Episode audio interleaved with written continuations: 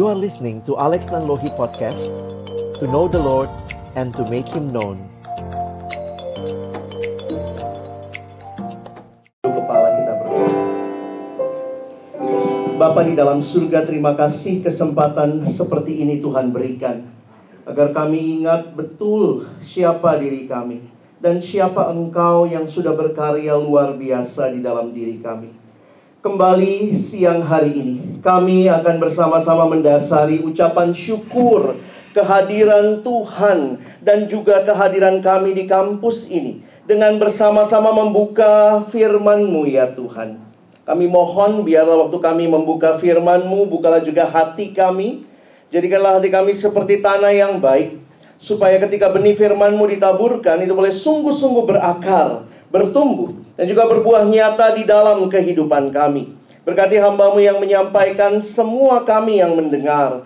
Tuhan tolonglah kami semua. Agar kami bukan hanya menjadi pendengar-pendengar firman yang setia, tapi mampukan dengan kuasa, dengan pertolongan dari rohmu yang kudus, kami dimampukan menjadi pelaku-pelaku firman-Mu di dalam kehidupan kami, di dalam masa muda kami. Bersabdalah ya Tuhan, sebab kami anak-anak-Mu sedia mendengarnya. Di dalam satu nama yang kudus, nama yang berkuasa, nama Tuhan kami Yesus Kristus, Sang Firman yang hidup. Kami menyerahkan pemberitaan firman-Mu. Amin. Shalom. Selamat apa nih ya? Selamat siang adik-adik yang saya kasihi dalam Tuhan Yesus Kristus. Ada pepatah mengatakan tak kenal maka sudah kenal sih belum tentu disayang ya. Nama saya sudah ada di situ, bukan Grace ya. saya Alex Nanlohi. Baik, teman-teman saya bersyukur kepada Tuhan melihat kehadiran kalian di kampus ini satu kampus yang banyak sekali orang mau masuk ke dalamnya ini kalian seperti lolos dari lubang jarum gitu ya. Iya, bersyukur. Tapi saya juga harus ingatkan kepada kita. Bukan masalah di mana kamu kuliah. Tapi kamu sedang berkuliah bersama siapa. Itu jauh jauh lebih penting. Saya tahun ini dapat kesempatan beberapa penerimaan mahasiswa baru, keliling juga beberapa kampus. Saya baru pulang dari uh, Singaraja untuk penerimaan mahasiswa baru di Undiksa, ya kampus yang ada pendidikan di Bali. Dan juga bersyukur gitu, mungkin ada temanmu juga yang masuk di sana. Saya ingatkan, bukan masalah kamu kuliah di mana. Kamu bisa bangga kuliah di tempat yang baik, kadang-kadang kalau bicara hal-hal seperti itu pun saya juga bisa bangga gitu ya. Saya dulu juga anak daerah dari kampung datang ke Jakarta. Saya dikasih kesempatan kuliah di Universitas Indonesia jurusan ilmu komunikasi. Lalu kemudian uh, kesempatan itu Tuhan berikan. Tapi kemudian waktu saya masuk di kampus saya jadi sadar. Sekali lagi kesimpulan saya setelah melewati semua ini bukan masalah kamu kuliah di mana tapi bersama dengan siapa kamu kuliah. Itu jauh lebih penting. Ngapain ada di stand tapi kalian tidak bersama dengan Tuhan? Lebih baik kalian ada di kampus yang mungkin tidak terkenal, bukan favorit, tapi bersama Tuhan ya. Nah, tentunya lebih baik lagi di stand dan bersama ya. Itu bukan basa-basi. Jangan cuma rajin doa waktu mau masuk stand. Sampai di stand, ih, Udah lupa. Dulu dulu adiknya aku satu teduhnya dua kali ya bang pagi malam sekarang. Satu teduh gimana deh teduh. Sedih kali hidupmu ya. Baik. Nah hari ini kita mau menjawab pertanyaan ini. Nggak gampang jawab pertanyaan ini. Why am I here Aku pinter bang, makanya aku di sini. Puji Tuhan. Kenapa kamu di sini? Bapakku kasih ongkos. Kalau nggak disuruh jalan kaki dari Tarutung jauh kali kan. nah, why am I here? Nah, kesempatan ini saya ingin mengajak kita melihat ya. Kadang-kadang kita perlu sadar diri. Siapa yang ngekos di sini? Ini kelihatan mukamu ya. Oh, abang-abangnya juga ya. Ini anak kos ya. Uh, ada yang bilang, kami nggak ngekos bang, ngontrak. Sama itu. Cuma sedikit lebih mewah aja. Nah, jadi teman-teman kalau kalian ngekos, nanti saya mau ingatkan ya. Kalau kalian jadi anak kos, maka kalian harus ingat, kosannya punya siapa? pemilik kosnya ya. Dan sombong kau ya. Nah, coba kita lihat sama-sama. Saya ingin mengajak kita lihat satu ayat saja. Ketika Rasul Paulus menulis surat Roma, ada satu ayat bagi saya yang menarik ya. Roma 11 ayat 36. Ayatnya abang sudah tulis di atas ya. Coba kita baca sama-sama. Satu, dua, ya.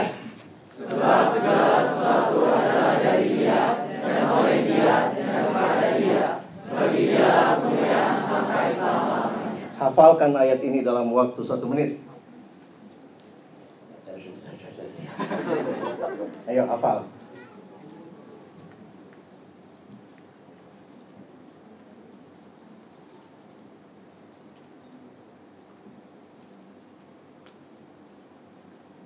Anak standi suruh hafal gini mah cepet ya. Hafalkan rumus. Oh. Ayo kita hafal sama-sama ya. Satu, dua, ya. Roma sebelah dari ayatnya ya dari ya, dari dulu ya. Satu, dua, ya. Roma 11 ayat 36. Sebab segala sesuatu adalah dari Dia, dari Dia, dan dari Dia. Dari Dia sampai selamanya. Dalam bahasa Inggris ayatnya juga indah. For from Him and through Him and to Him all things to God be the glory forever. Amen. Khotbah saya singkat sih hari ini ya. Abang ingin ngajarin lagu aja ya. Coba kita nyanyikan ayat ini. For from him and through him and to him all things to God be the glory forever. Amen. Lalu ulang lagi ya sama-sama. For from him and through him and to him all things to God be the glory forever. Amen. Yang keduanya udah turun ke bawah ya. Jangan kalau naik lagi, ulang lagi kau ya. Kayak komedi puter nanti ya. Sekali lagi ya, dua kali kita nyanyikan. Dua, iya. For from him and through him and to him all things to God be the glory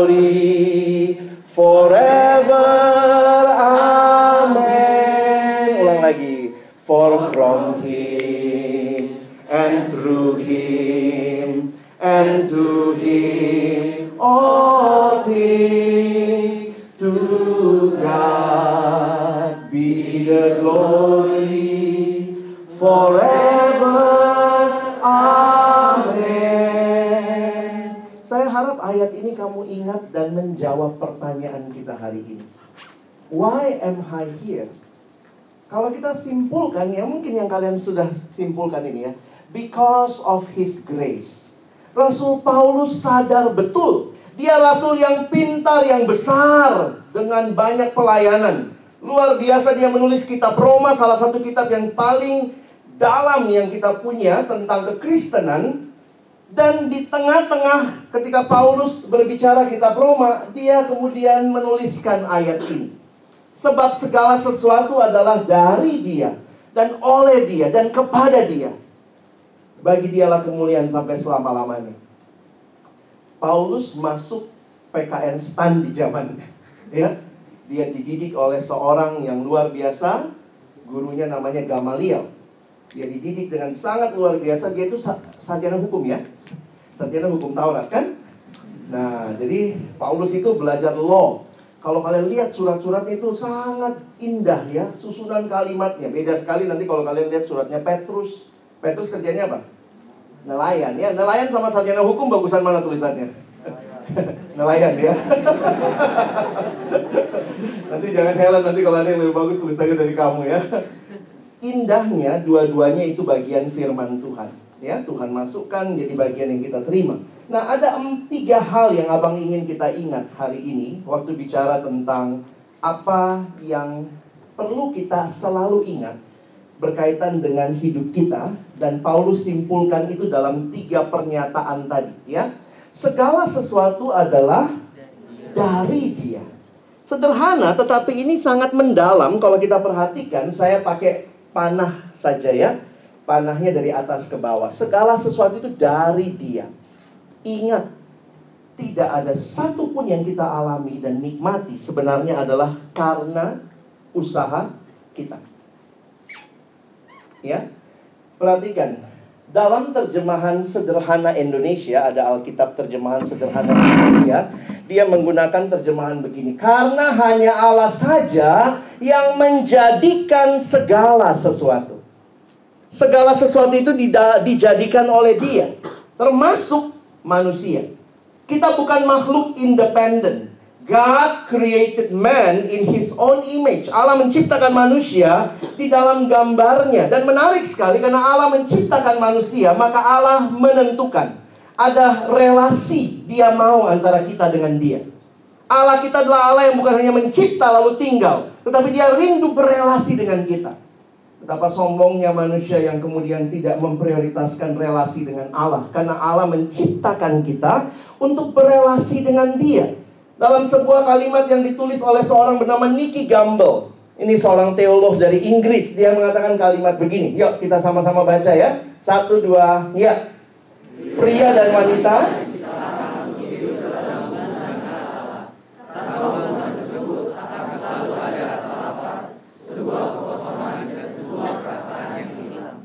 tanpa hubungan itu. Selalu ada rasa lapar, kekosongan, perasaan yang hilang. Mengapa teman-teman? Karena memang begitulah desainnya Allah menciptakan engkau dan saya. Kita sekali lagi bukan makhluk independen. Tuhan ciptakan kita untuk berelasi dengan dia. Karena itu kalau kita perhatikan, tidak ada satupun hubungan manusia yang dapat memuaskan. Atau dapat terus bertahan. Saya kasih contoh begini. Kalau kamu punya orang tua, apakah orang tuamu selalu ada? Kau selalu ada bagiku. Ada yang bapak mamanya nggak bisa mati? Bapakku dong nggak bisa meninggal. Mamaku dong gitu ya. Nanti kalau kalian cari pacar lagi atau apakah wah pasanganku nggak pernah bisa hilang, nggak pernah bisa mati, tidak bisa. Ini menunjukkan bahwa sebenarnya dari sisi manusia, manusia tidak bisa memuaskan manusia lain. Manusia terbatas. Manusia tidak dapat punya relasi yang terus bertahan. Tetapi kenapa di hati kita selalu ada longing for a deep and meaningful relationship? Kenapa dalam hati kita selalu ada longing untuk sesuatu yang nilainya kekal? Itu menunjukkan bahwa kita diciptakan untuk hidup dalam hubungan dengan Allah. Karena hal yang bisa memuaskan dan hal yang akan selalu ada itu sumbernya hanya dari pribadi yang kekal. Kalau kamu berelasi dengan pribadi yang sama-sama tidak kekal, maka semua relasimu ada batasnya.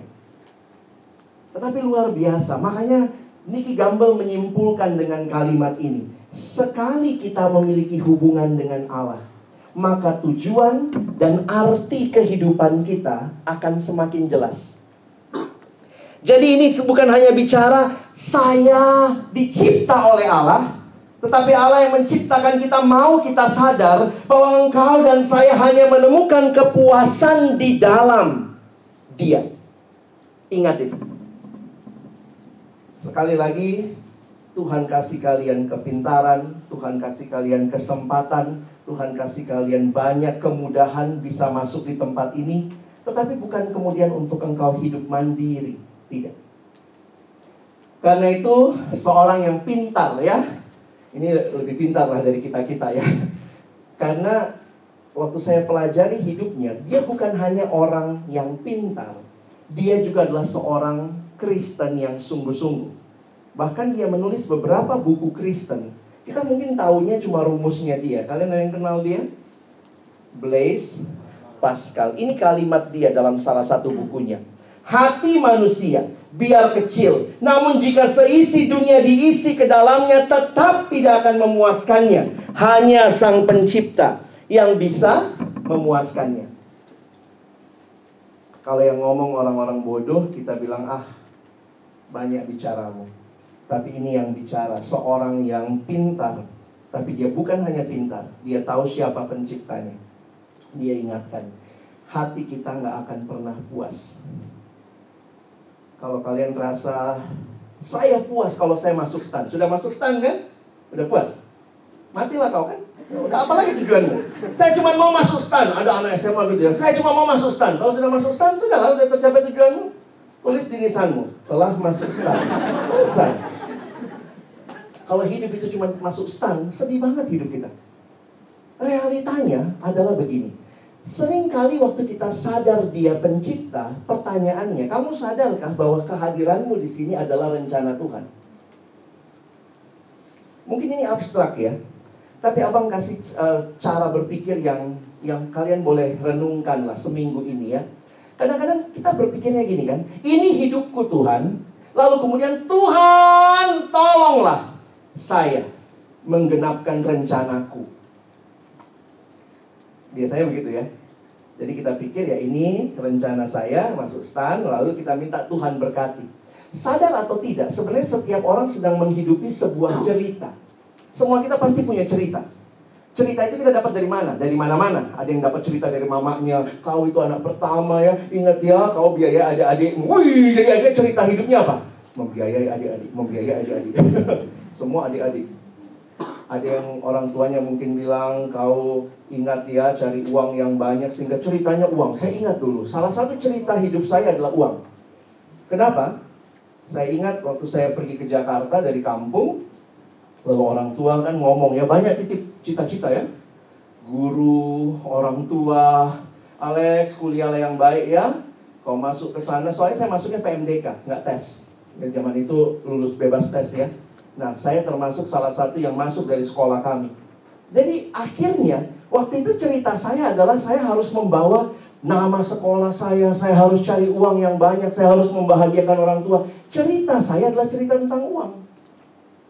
Tapi di kampus, saya pertama kali mendengar bahwa Tuhan punya rencana buat hidup saya. Harusnya cerita saya bukan tentang uang saja. Kita butuh uang ya. Tapi ceritanya adalah tentang Tuhan. Setiap kita sedang menghidupi sebuah cerita. Ini namanya Timothy Keller. Dia bilang begini ya, Bapak Timothy Keller mengatakan kalimat ini. Orang tidak bisa membuat apa pun menjadi sesuatu yang masuk akal tanpa menempatkannya di dalam semacam alur cerita. Jadi sebenarnya kalau kita itu hidup ada ceritanya. Nah tadi abang kasih contoh. Kalau cerita saya uang, maka ditanya, kenapa kau belajar? Supaya cepat lulus. Waktu cepat lulus, kemudian nanti bisa kerja. Waktu kerja, kemudian apa? Dapat uang. Jadi kadang-kadang tanpa kita sadari, apa cerita yang sedang kita hidupi? Mungkin kau bawa cerita itu dengan semua hal yang kau capai hari ini ada cerita besar di baliknya. Nah, sering kali mengatakan Allah punya rencana itu nggak gampang ya.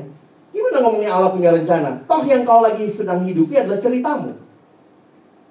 Maka menarik sekali, harusnya kita punya lensa yang baru. Saya harap dalam perjalananmu di kampus ini, kita punya persekutuan mahasiswa Kristen, PMK Stan menjadi tempat di mana Tuhan akan membangun hidupmu untuk melihat bahwa cerita hidupmu bukan hanya tentang kamu, tentang keluargamu, tentang harapan-harapan orang-orang di sekitarmu, tetapi belajar melihat segala sesuatu. Bahwa kalau hidup itu adalah sebuah cerita, maka siapa yang sedang menjadi penceritanya? Belajar melihat segala sesuatu dalam perspektifnya Tuhan melihat bukan sekedar cerita saya. Nah bersyukur di dalam Alkitab sebenarnya kita dikasih sebuah cerita. Ya, kalau kalian lihat Alkitab, Alkitab itu dari kejadian sampai wahyu. Kalau kita peres begitu rupa, sebenarnya ada cerita utama. Nah menariknya ini salah satu pendekatan yang saya ambil dari buku yang ditulis oleh Bapak Christopher Wright. Seorang teolog, dia tulis buku tentang membaca dan mengkhotbahkan perjanjian lama, di dalam buku itu ada satu bagian yang bagi saya menarik. Dia bilang begini, kalau orang tanya, apa sih intinya kekristenan? Maka yang kita beritahu adalah sebuah cerita. Ceritanya apa? Bahwa mulai dia pakai istilah ada enam babak. Alkitab itu seperti drama enam babak. Dia pakai simbol. Makanya dia bilang sebenarnya gampang banget kalau orang tanya apa sih kekristenan, kamu bisa jelaskan dua menit, kamu cerita aja ini. Satu, dua, tiga, empat, lima, enam. Apa yang pertama? Yang pertama adalah Allah mencipta. Dunia ini ada awalnya, Allah mencipta. Lalu kemudian terjadilah pemberontakan di dalam ciptaan itu. Makanya ada fall, manusia jatuh dalam dosa. Tapi kemudian Allah merancangkan rencana keselamatan. Dia memberikan janji, promise. Lalu Yesus datang. Itulah nomor empat. Redemption. Lalu apa cerita Alkitab? Berakhirnya di mana? Ini ya. Ada ciptaan baru. Makanya lihat, ini creation, di sini ada new creation. Centernya Yesus. Nomor lima apa? Atau lihat deh, kalau 1, 2, 3, 4, 5 Kita sekarang hidup di nomor berapa? Hmm? Ada yang bilang, oh nomor 2 Kau sebelah ular waktu itu ya Aku sempat selfie bang sama ular Nomor berapa kita hidup sekarang? Nomor 5 Maka Bapak Christopher Wright mengatakan kalimat yang menarik Nomor 5 ini apa kira-kira istilahnya?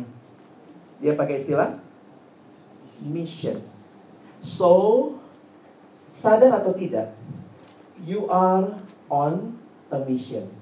Lihat cara berpikirnya. Kadang-kadang kita pikir ini ceritaku Tuhan, masuklah berkati ceritaku. Tetapi kekristenan yang sejati akan berpikir sebaliknya. Ini adalah sebuah cerita Allah. Dalam cerita Allah ini Allah yang mengundang engkau dan saya masuk dalam ceritanya. Beda ya? Ini ceritaku, Tuhan ayo masuk. Ini tapi ceritaku. Atau ini ceritanya Tuhan. Dan ceritanya Tuhan mengundang engkau dan saya masuk dalam ceritanya. Sehingga kehadiranmu di stan ini bukan hanya ceritamu. Tapi ini ceritanya Tuhan yang sedang memproses kamu di tempat ini. You are on a mission. Engkau dan saya tidak sekedar hidup menghidupi cerita kita. This is not only a story, ini firman Tuhan. Dan firman Tuhan mengingatkan you need to find your place in God's story. Karena itu pertanyaanmu dan pertanyaanku bukan hanya Tuhan, saya sudah masuk stan, ayo Tuhan berkati studiku, tapi tanyalah, Tuhan, kenapa stan jadi tempat engkau memproses aku dalam rencanamu? Dan jangan pandang enteng temanmu yang masuk swasta, jangan pandang enteng itu cara Tuhan memproses dia di sana. Sehingga sebenarnya di mata Tuhan, kan nanti di, di mata Tuhan nggak ditanya, Stan baris sini ya, Stan, Stan. Ini uh, BMKG apa tuh? Uh, STMKG ya. Ini STIS, statistik. Nanti yang sini UI, UGM, ya swasta di belakang lah. Nggak begitu di hadapan Tuhan. Tuhan cuma mau bilang gini, kamu dikasih tempat proses di sini. Supaya apa? Supaya kamu makin bangga, makin lupa Tuhan. Hei, ingat, supaya engkau dan saya berelasi dengan Allah dan ingat bahwa kita dalam misinya Allah. We are on a mission from God. Jadi jangan sombong ya. Tapi makin rendah hati masuk stan. Makin sadar Tuhan, saya dibentuk dalam rencanamu dalam proses di kampus ini. Jangan lupa diri. Penyakit paling gila memang zaman itu lupa diri. Coba bayangkan ya, ini bayangkan, do not try this at cost. Yang kos ya, coba pulang ke kos misalnya, bayangkan jangan lakukan ya. Kau pulang kos, lalu kemudian kau belajar, tengah malam kau keluar kamar kos. Terus kau bilang, Hai semua penghuni kos. Tunggu sampai semua keluar, ada apa ini, ada apa ini? Terus kemudian, sudah kumpul semua. Saya mau kasih pengumuman. Apa itu? Teman-teman penghuni kos. Mulai malam ini, Kosan ini punya saya. Kira-kira orang kos bilang kamu apa? Kritik ya, kasihan kali ya. Kenapa gila? Ya gila kan, begitu gila ya. Terus datang ibu kos. Ada apa nak? Berisik malam-malam. Tante, pemilik kos. Mulai malam ini, saya kasih pengumuman barusan. Kosan ini punya saya. Dan malam ini tante keluar dari sini.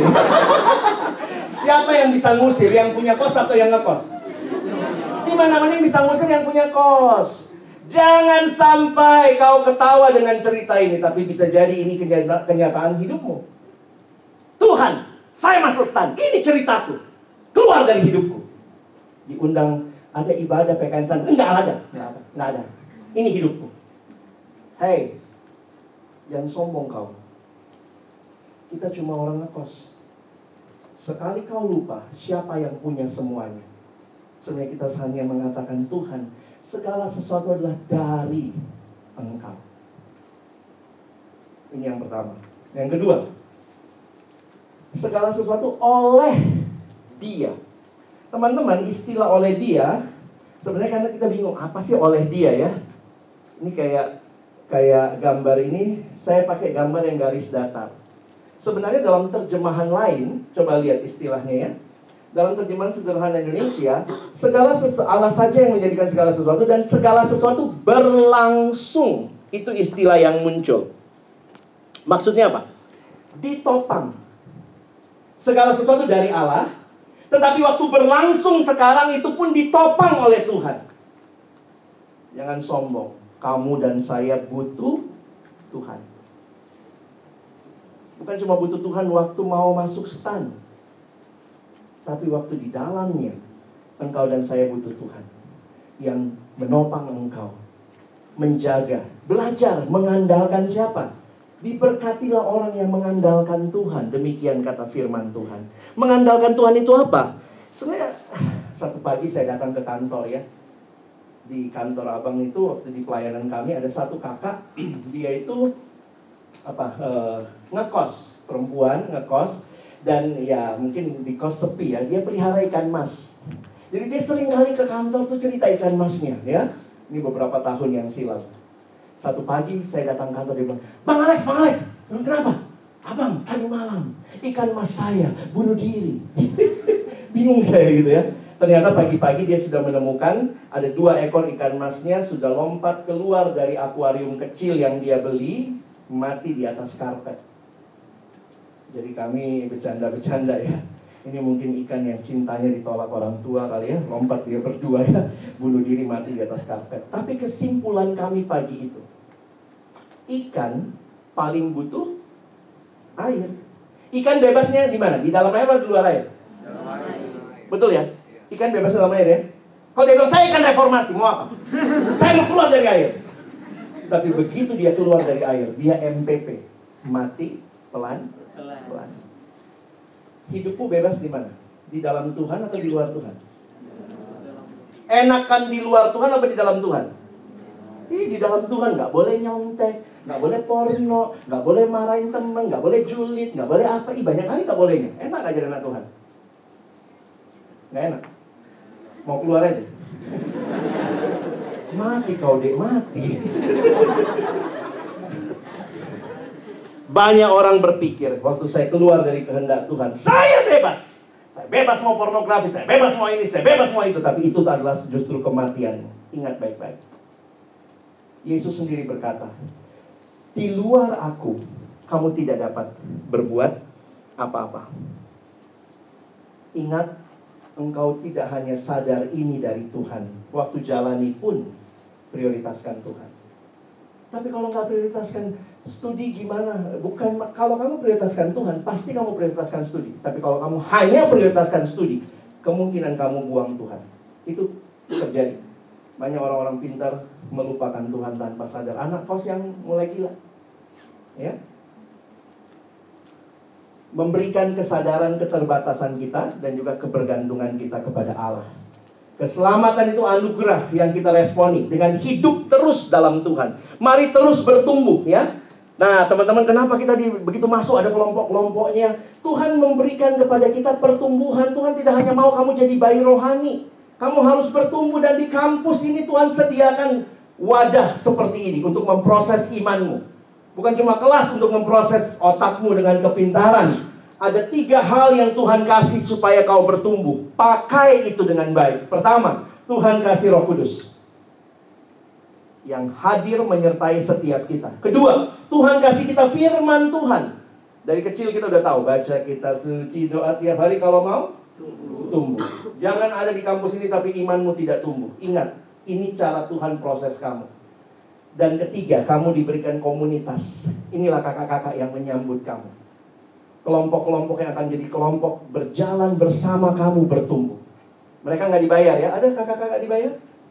Eh, kadang saya mikir kenapa ya seperti ini. Tadi saya sempat videoin, saya kirim ke alumni ya. Ini yang dulu kamu lakukan, dilakukan lagi adik-adiknya kepada adik-adiknya. Kesempatan kita di sini Tuhan bawa kita bertumbuh. Segalanya dari Dia, waktu terjadi ditopang oleh Dia. Terakhir, bagi siapa?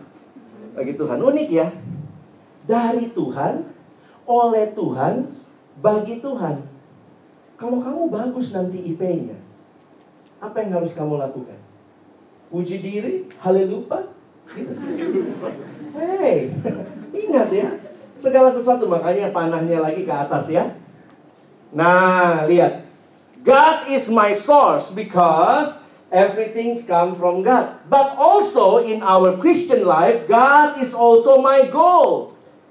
Kenapa? Saya ingin memberi kepada Tuhan. Kalau kau kasih sama bapak mamamu yang baik, kau kasih sama dosenmu yang baik, Masa sama Tuhan kau kasih yang ece-ece? Maka kekristenan berbicara tentang giving my best, ya.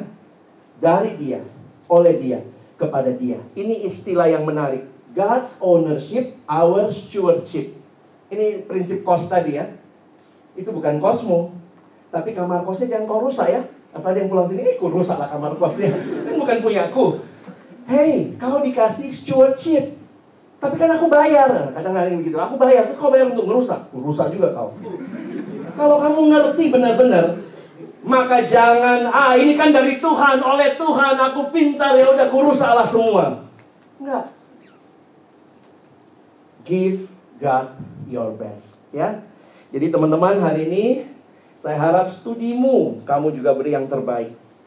Melalui pergaulanmu, bergaullah bukan untuk mempermalukan Tuhan tapi mempermuliakan Tuhan ya sebab segala sesuatu kalau kita gabung dari dia oleh dia kepada dia apa ayat terakhirnya bagi dialah kemuliaan kalau semua ini terjadi maka terjemahan sederhana katakan berikanlah segala kemuliaan kepadanya sampai selama-lamanya kalau hari ini kita ditanya why am I here I am here because of his grace I'm here, I was, uh, uh, saya ditopang ya oleh anugerahnya dan semuanya aku akan berikan kepada dia. Kiranya Tuhan menolong kalian memulai perjalananmu di kampus ini. Bukan hanya masalah di mana kau belajar, tapi bersama siapa yang sedang memimpin hidupmu. Kita nyanyi lagi ya sekali dengan singkat. For from him and through him satu dua ya for from him and through him and to him all things to God the glory forever. Amen. For from him. For from him and through him and to him all things to God be the glory forever